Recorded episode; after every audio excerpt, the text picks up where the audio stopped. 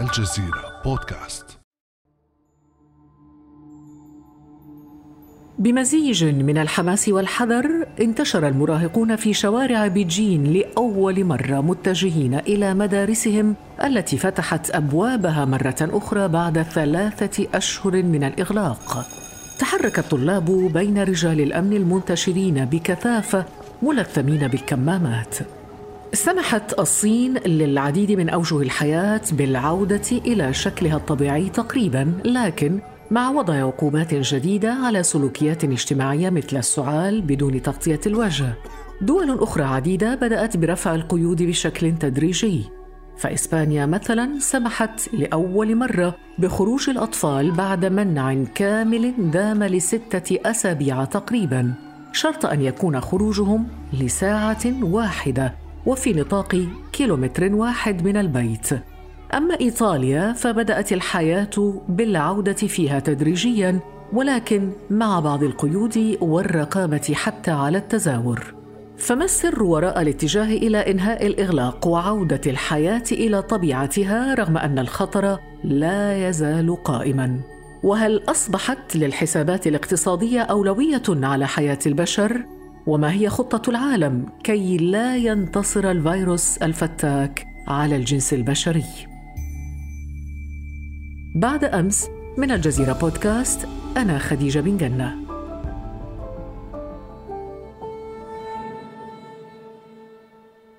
إذا مستمعينا عدنا إليكم من جديد ونرجو أن تكونوا قد استمتعتم بإجازة العيد. أعاد الله عليكم الأعياد بالخير واليمن والبركات وكل عام وأنتم بخير. نرحب معنا اليوم بالدكتورة مروة فرج الأستاذ المشارك في السياسات الصحية بمعهد الدوحة للدراسات العليا. أهلا وسهلا بك دكتورة مروة. أهلا وسهلا وشكرا جزيلا على الدعوة. دكتورة مروة يا ريت تشرحي لنا في البداية ما معنى رفع القيود عن الحجر الصحي في العديد من الدول؟ معنى رفع القيود في معظم الدول هيتم بشكل تدريجي يعني مثلا أستراليا عندها خطة لرفع القيود ألمانيا العوده إلى حياة شبه طبيعية ولكن بحذر. ده أنا بتكلم على بلاد زي أستراليا زي ألمانيا زي نيوزيلندا عندها خطة برضو لرفع القيود زي فرنسا. فهو رفع قيود تدريجي البداية بالإجراءات اللي هي أكثر أمانا. ومع تطور الأمور ممكن الفتح يكون لأشياء فيها أكثر خطورة زي التجمعات. ولكن في المستقبل يعني مثلا في ألمانيا لحد شهر 8 ولحد شهر 10 التجمعات الكبيرة لسه مش هتكون مسموحة. فهو فتح تدريجي بحذر. وهل برأيك دكتورة مروة هذا التخفيف التدريجي والاتجاه إلى إنهاء الإغلاق في العديد من الدول يعني أننا قررنا مواجهة الفيروس بصدور مكشوفة في سبيل أن يتعافى الاقتصاد؟ في الحقيقة أنا رأيي يتوقف على البلد. في عاملين مهمين لازم نفكر فيهم. أول عامل إنه آخر دراسة منشورة في نيويورك تايمز من ثلاثة أيام بتتنبأ على الأقل لأمريكا إنه ال pandemic هيستمر معانا لمدة سنتين بشكل موجات. ده في أمريكا. في كل بلد هيكون وضعها مختلف لكن إحنا بنتوقع إن الموضوع ده هيكون موضوع طويل الأمد. وفي الحالة دي محتاجة زي الماراثون بقى مش زي ال sprint. وإنه حلقة واحدة من الإغلاقات مش هتكون كافية فهنحتاج basically نفتح ونقفل على حسب ال data بتقول لنا إيه على مستوى العدوى وعلى قدرتنا على التعامل مع العدوى الموجودة. فده معناه بما إنه الموضوع بقى ماراثون يعني مش بس من الناحية الاقتصادية حتى من الناحية النفسية والاجتماعية طالما الموضوع هيمتد لأمد طويل ودي التنبؤات على شكل موجات لحد ما يكون في فاكسين أو يكون في مناعة القطيع بعد سنتين مثلا لازم يكون التعامل معاها بشكل مناسب مع شكل الظاهرة اللي إحنا متوقعينه دلوقتي. فدي جزئية. الجزئية الثانية اللي ما نقدرش ننكرها كمان إن التأثير على الاقتصاد العالمي وعلى الاقتصادات في كل البلاد تأثير فعلا هائل وإنه بيقارن بالكساد العظيم في الثلاثينات. إزاي يتم التعامل مع الجائحة بذكاء ونحمي الإنسان صحيا ونفسيا واجتماعيا؟ ده بقى بتكلم على البلاد زي ألمانيا مثلا اللي أنجلا ميركل بتقول إحنا نجحنا نجاح متوسط وهنخلينا متابعين معدلات العدوى ونشوف إزاي هتتطور وعلى هذا الأساس زي ما يكون حد راكب عربية ورجليه على الفرامل. هفرمل لما احتاج. في بقى بلاد تانية بالظبط زي أمريكا مثلا؟ اللي أقدر أقول إنه لأ في إدارة أزمة بشكل كتير سيء وفي جزء منه استهانة بحياة البشر. يعني مثلا دان باتريك اللي هو نائب حاكم ولاية تكساس اتكلم على إنه لو الموضوع فيه اختيار بين حياته هو كإنسان عنده 70 سنة وبين مستقبل أولاده على أساس إنه لو اتقفل الاقتصاد أولاده هم اللي هيتعاملوا مع الدين هو يفضل يموت عشان أولاده تعيش وما تبقاش عندها دين. ففي في أمريكا نوع الحديث ده اللي هو فيه مقايضة فعلية بين الاقتصاد وحياة الإنسان وفي ناس اتكلمت عليه بشكل صريح. وحتى ترامب نفسه قال مش عايزين يكون الدواء أوحش من المشكلة أو أسوأ من المرض. طب هل هذا يعني دكتورة أن حياة البشر صارت تسعر بناء على التكلفة يتم اتخاذ القرار مثلاً؟ في الحقيقة أنا عارفة إن معظم الناس لو مش كلهم بيلاقوا فكرة تسعير حياة البشر فكرة لا أخلاقية وفكرة مقززة كمان لأن كلنا بني آدمين. ولكن في مجال السياسات العامة وفي مجال الاقتصاد الصحي اللي أنا بشتغل فيه كمان دي حاجة بنعملها كل يوم. بس مش قصدي إن إحنا بنعملها كل يوم يعني دي حاجة شريرة. لا من ناحية إيه؟ من منطلق إن ما طب أعطينا فكرة كيف يتم تسعير حياة الإنسان؟ المنطلق إنه ما فيش أي نظام صحي عنده موارد لا نهائية لتقديم كل الخدمات لكل المواطنين في كل الأوقات، إزاي اقارن تدخل طبي بيهدف إلى علاج مشكلة في القلب بيتطلب عملية قلب مفتوح بمثلا تدخل طبي تاني زي مثلا توفير التطعيمات. أنا بشوف كل تدخل طبي بيشتري لي كم سنة من الحياة بأي سعر. فأقدر أقارن كمعلومة. فمثلا لما بنطعم الأطفال بنكتسب سنة من الحياة الصحية بسعر قليل جدا. لما بنعمل عملية قلب مفتوح بيكون السعر أكبر بكتير. يعني في الحالة هذه الضحايا يكونون هم كبار السن والمرضى ربما المصابون بأمراض خطيرة أو مزمنة. هو تعليق ذكي جدا لأنه فعلا لما بنعمل الدراسات دي بيكون في أفضلية للتدخلات الطبية اللي للأطفال لأن بتكسب سنوات أكتر من الحياة. في أي بلد عندها مستوى دخل منخفض بيبقى قدامها اختيارات صعبة لأن الموارد محدودة جدا. فساعات مش منطقي إنه مثلا تشتري سنة من الحياة الصحية بمليون دولار لما ممكن نشتري سنة من الحياة الصحية بسعر أقل بكتير. فدي الفكرة. في بلاد بقى بتحط حاجة اسمها ثريشولد حد. فبتقول إحنا ندفع مثلا في كندا لحد مئة ألف دولار. ممكن نشتري سنة من الحياة الصحية لحد مئة ألف دولار. أكتر من كده مش هنقدر مثلا. نعم دكتورة مروة صانع القرار أمامه حالتان. البقاء في حالة الحجر مكلف اقتصاديا ورفع الحجر أيضا مكلف لأنه لو افترضنا عودة الفيروس بقوة هذا أيضا سيؤدي إلى انهيار صحي ولهذا الانهيار الصحي أيضا تكلفة مالية كبيرة أليس كذلك؟ دي حاجة بتؤرق وبتقلق كل متخذ القرار في الوقت الحالي ولكن بما إن الموضوع طويل الأمد إلى حد ما وبما إنه تأثيره شديد جدا فهي الفكرة اللي اتكلمت عليها أنجيلا ميركل وحتى جيسندا اردن اللي هي فكرة إنه بنفتح ونقفل إذا احتاجنا وإذا ال data قالت لازم يحصل قفل تاني. يعني ليس هناك قرار ثابت بالإغلاق أو الفتح بشكل دائم. نغلق نفتح نغلق نفتح حسب الظروف وتقلباتها. لا بس مثلا في في أستراليا حاطين ثلاث شروط. القدرة على إجراء التحاليل بسرعة وبالأعداد المناسبة القدرة على تعقب المرضى والمخالطين قدرة منظمة وممنهجة ومناسبة. وثالث شرط إن يكون في قدرة محلية على التفاعل السريع لو اتوجد أماكن بؤر جديدة للعدوى فتقدر تقفل البؤر بسرعة قبل ما تنتشر. هناك دول لجأت إلى رفع الحجر ثم عادت إلى فرضه مرة أخرى. في المغرب عادت مصانع النسيج والأسماك وغيرها للعمل بعد إلحاح من العملاء خاصة في الدول الأوروبية المجاورة التي قررت إعادة الحياة تدريجيا إلى ما يشبه الوضع الطبيعي. توجه آلاف العمال والعاملات تحت تهديد الطرد توجهوا إلى مقرات عملهم لكن بضعة أيام فقط بعدها أعلن عن اكتشاف بؤر لفيروس كورونا بين هؤلاء العمال الذين نقلوا الفيروس إلى عائلاتهم. وأثار الوضع تداعيات صحية واجتماعية كبيرة. اضطر المسؤولون المغاربة بعدها إلى إعادة إغلاق المصانع رغم التكلفة الكبيرة لهذا الإغلاق. واحد البنت جابت الفيروس للشركة خوها خدام في شي شركة في عين سبع وجاب العدوى.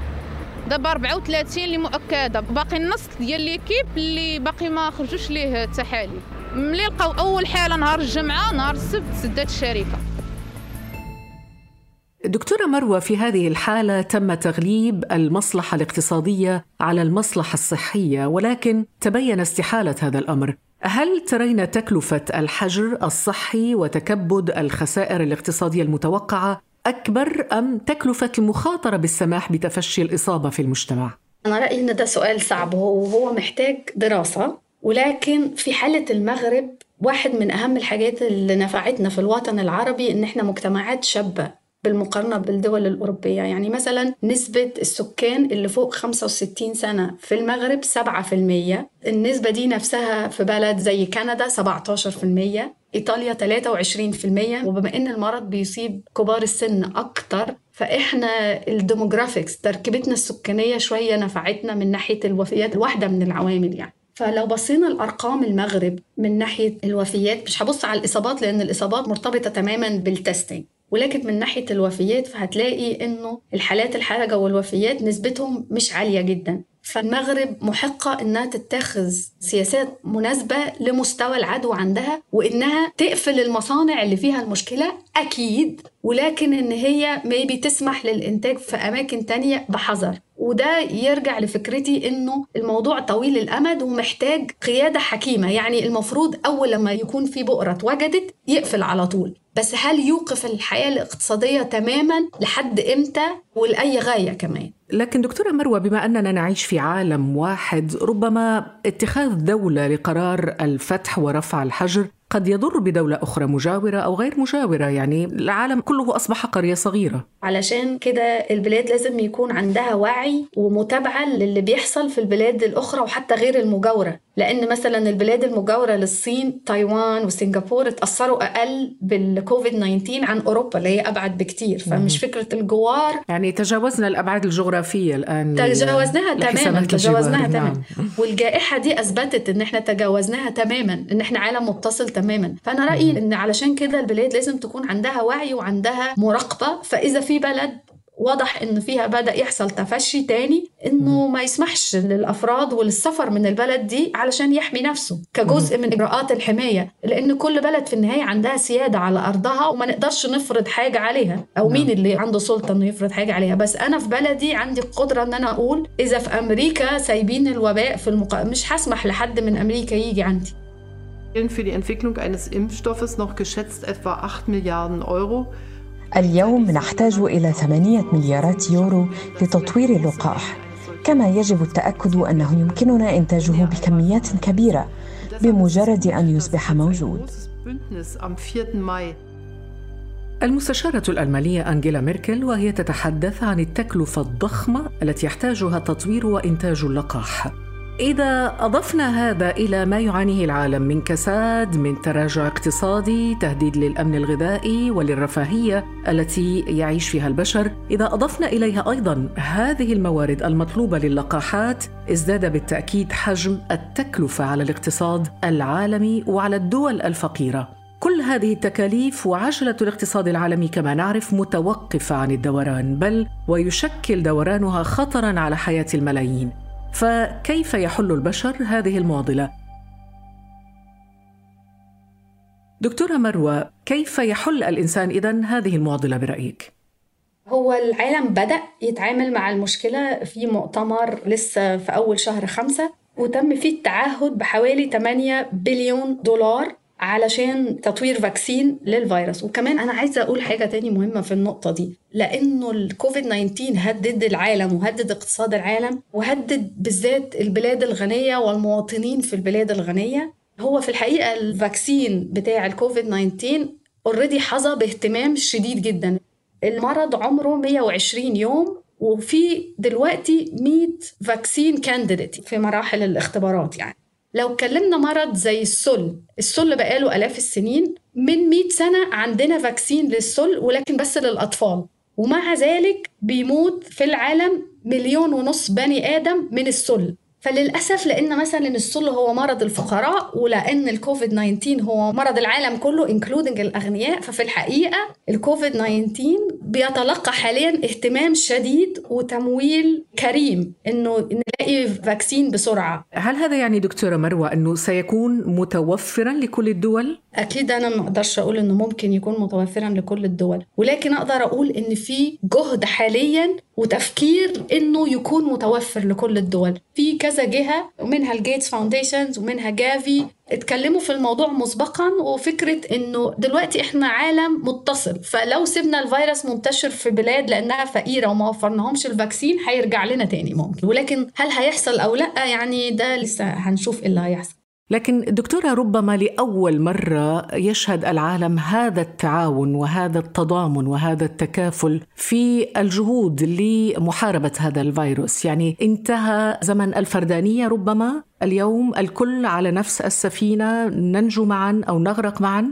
أكيد. الفيروس خلانا نحس قد إيه ان كلنا في كل البلاد بني آدمين وكلنا متصلين ببعض وفكرنا إن إحنا رغم الحدود ورغم أسماء البلاد كلنا بني آدمين وبنتأثر بنفس الأمراض وعندنا نفس الإحساس. يعني لما كانوا المرضى في إيطاليا في المستشفيات وكانت الشبكات بتنقل لنا صورهم كانت الناس في كل أنحاء العالم بتتأثر. ولما إيطاليا نجحت إنها تقلل العدوى كان في فرح عالمي. فإحساسنا إن إحنا كلنا متصلين وإن كلنا معرضين وإن كلنا مصيرنا مشترك ولازم نقف ضد الفيروس ونحارب الفيروس بشكل مشترك. ده حس جماعي وحس بوحدتنا عالميا. الحقيقة مثير للتفاؤل وممكن يكون بداية لعالم جديد يعني.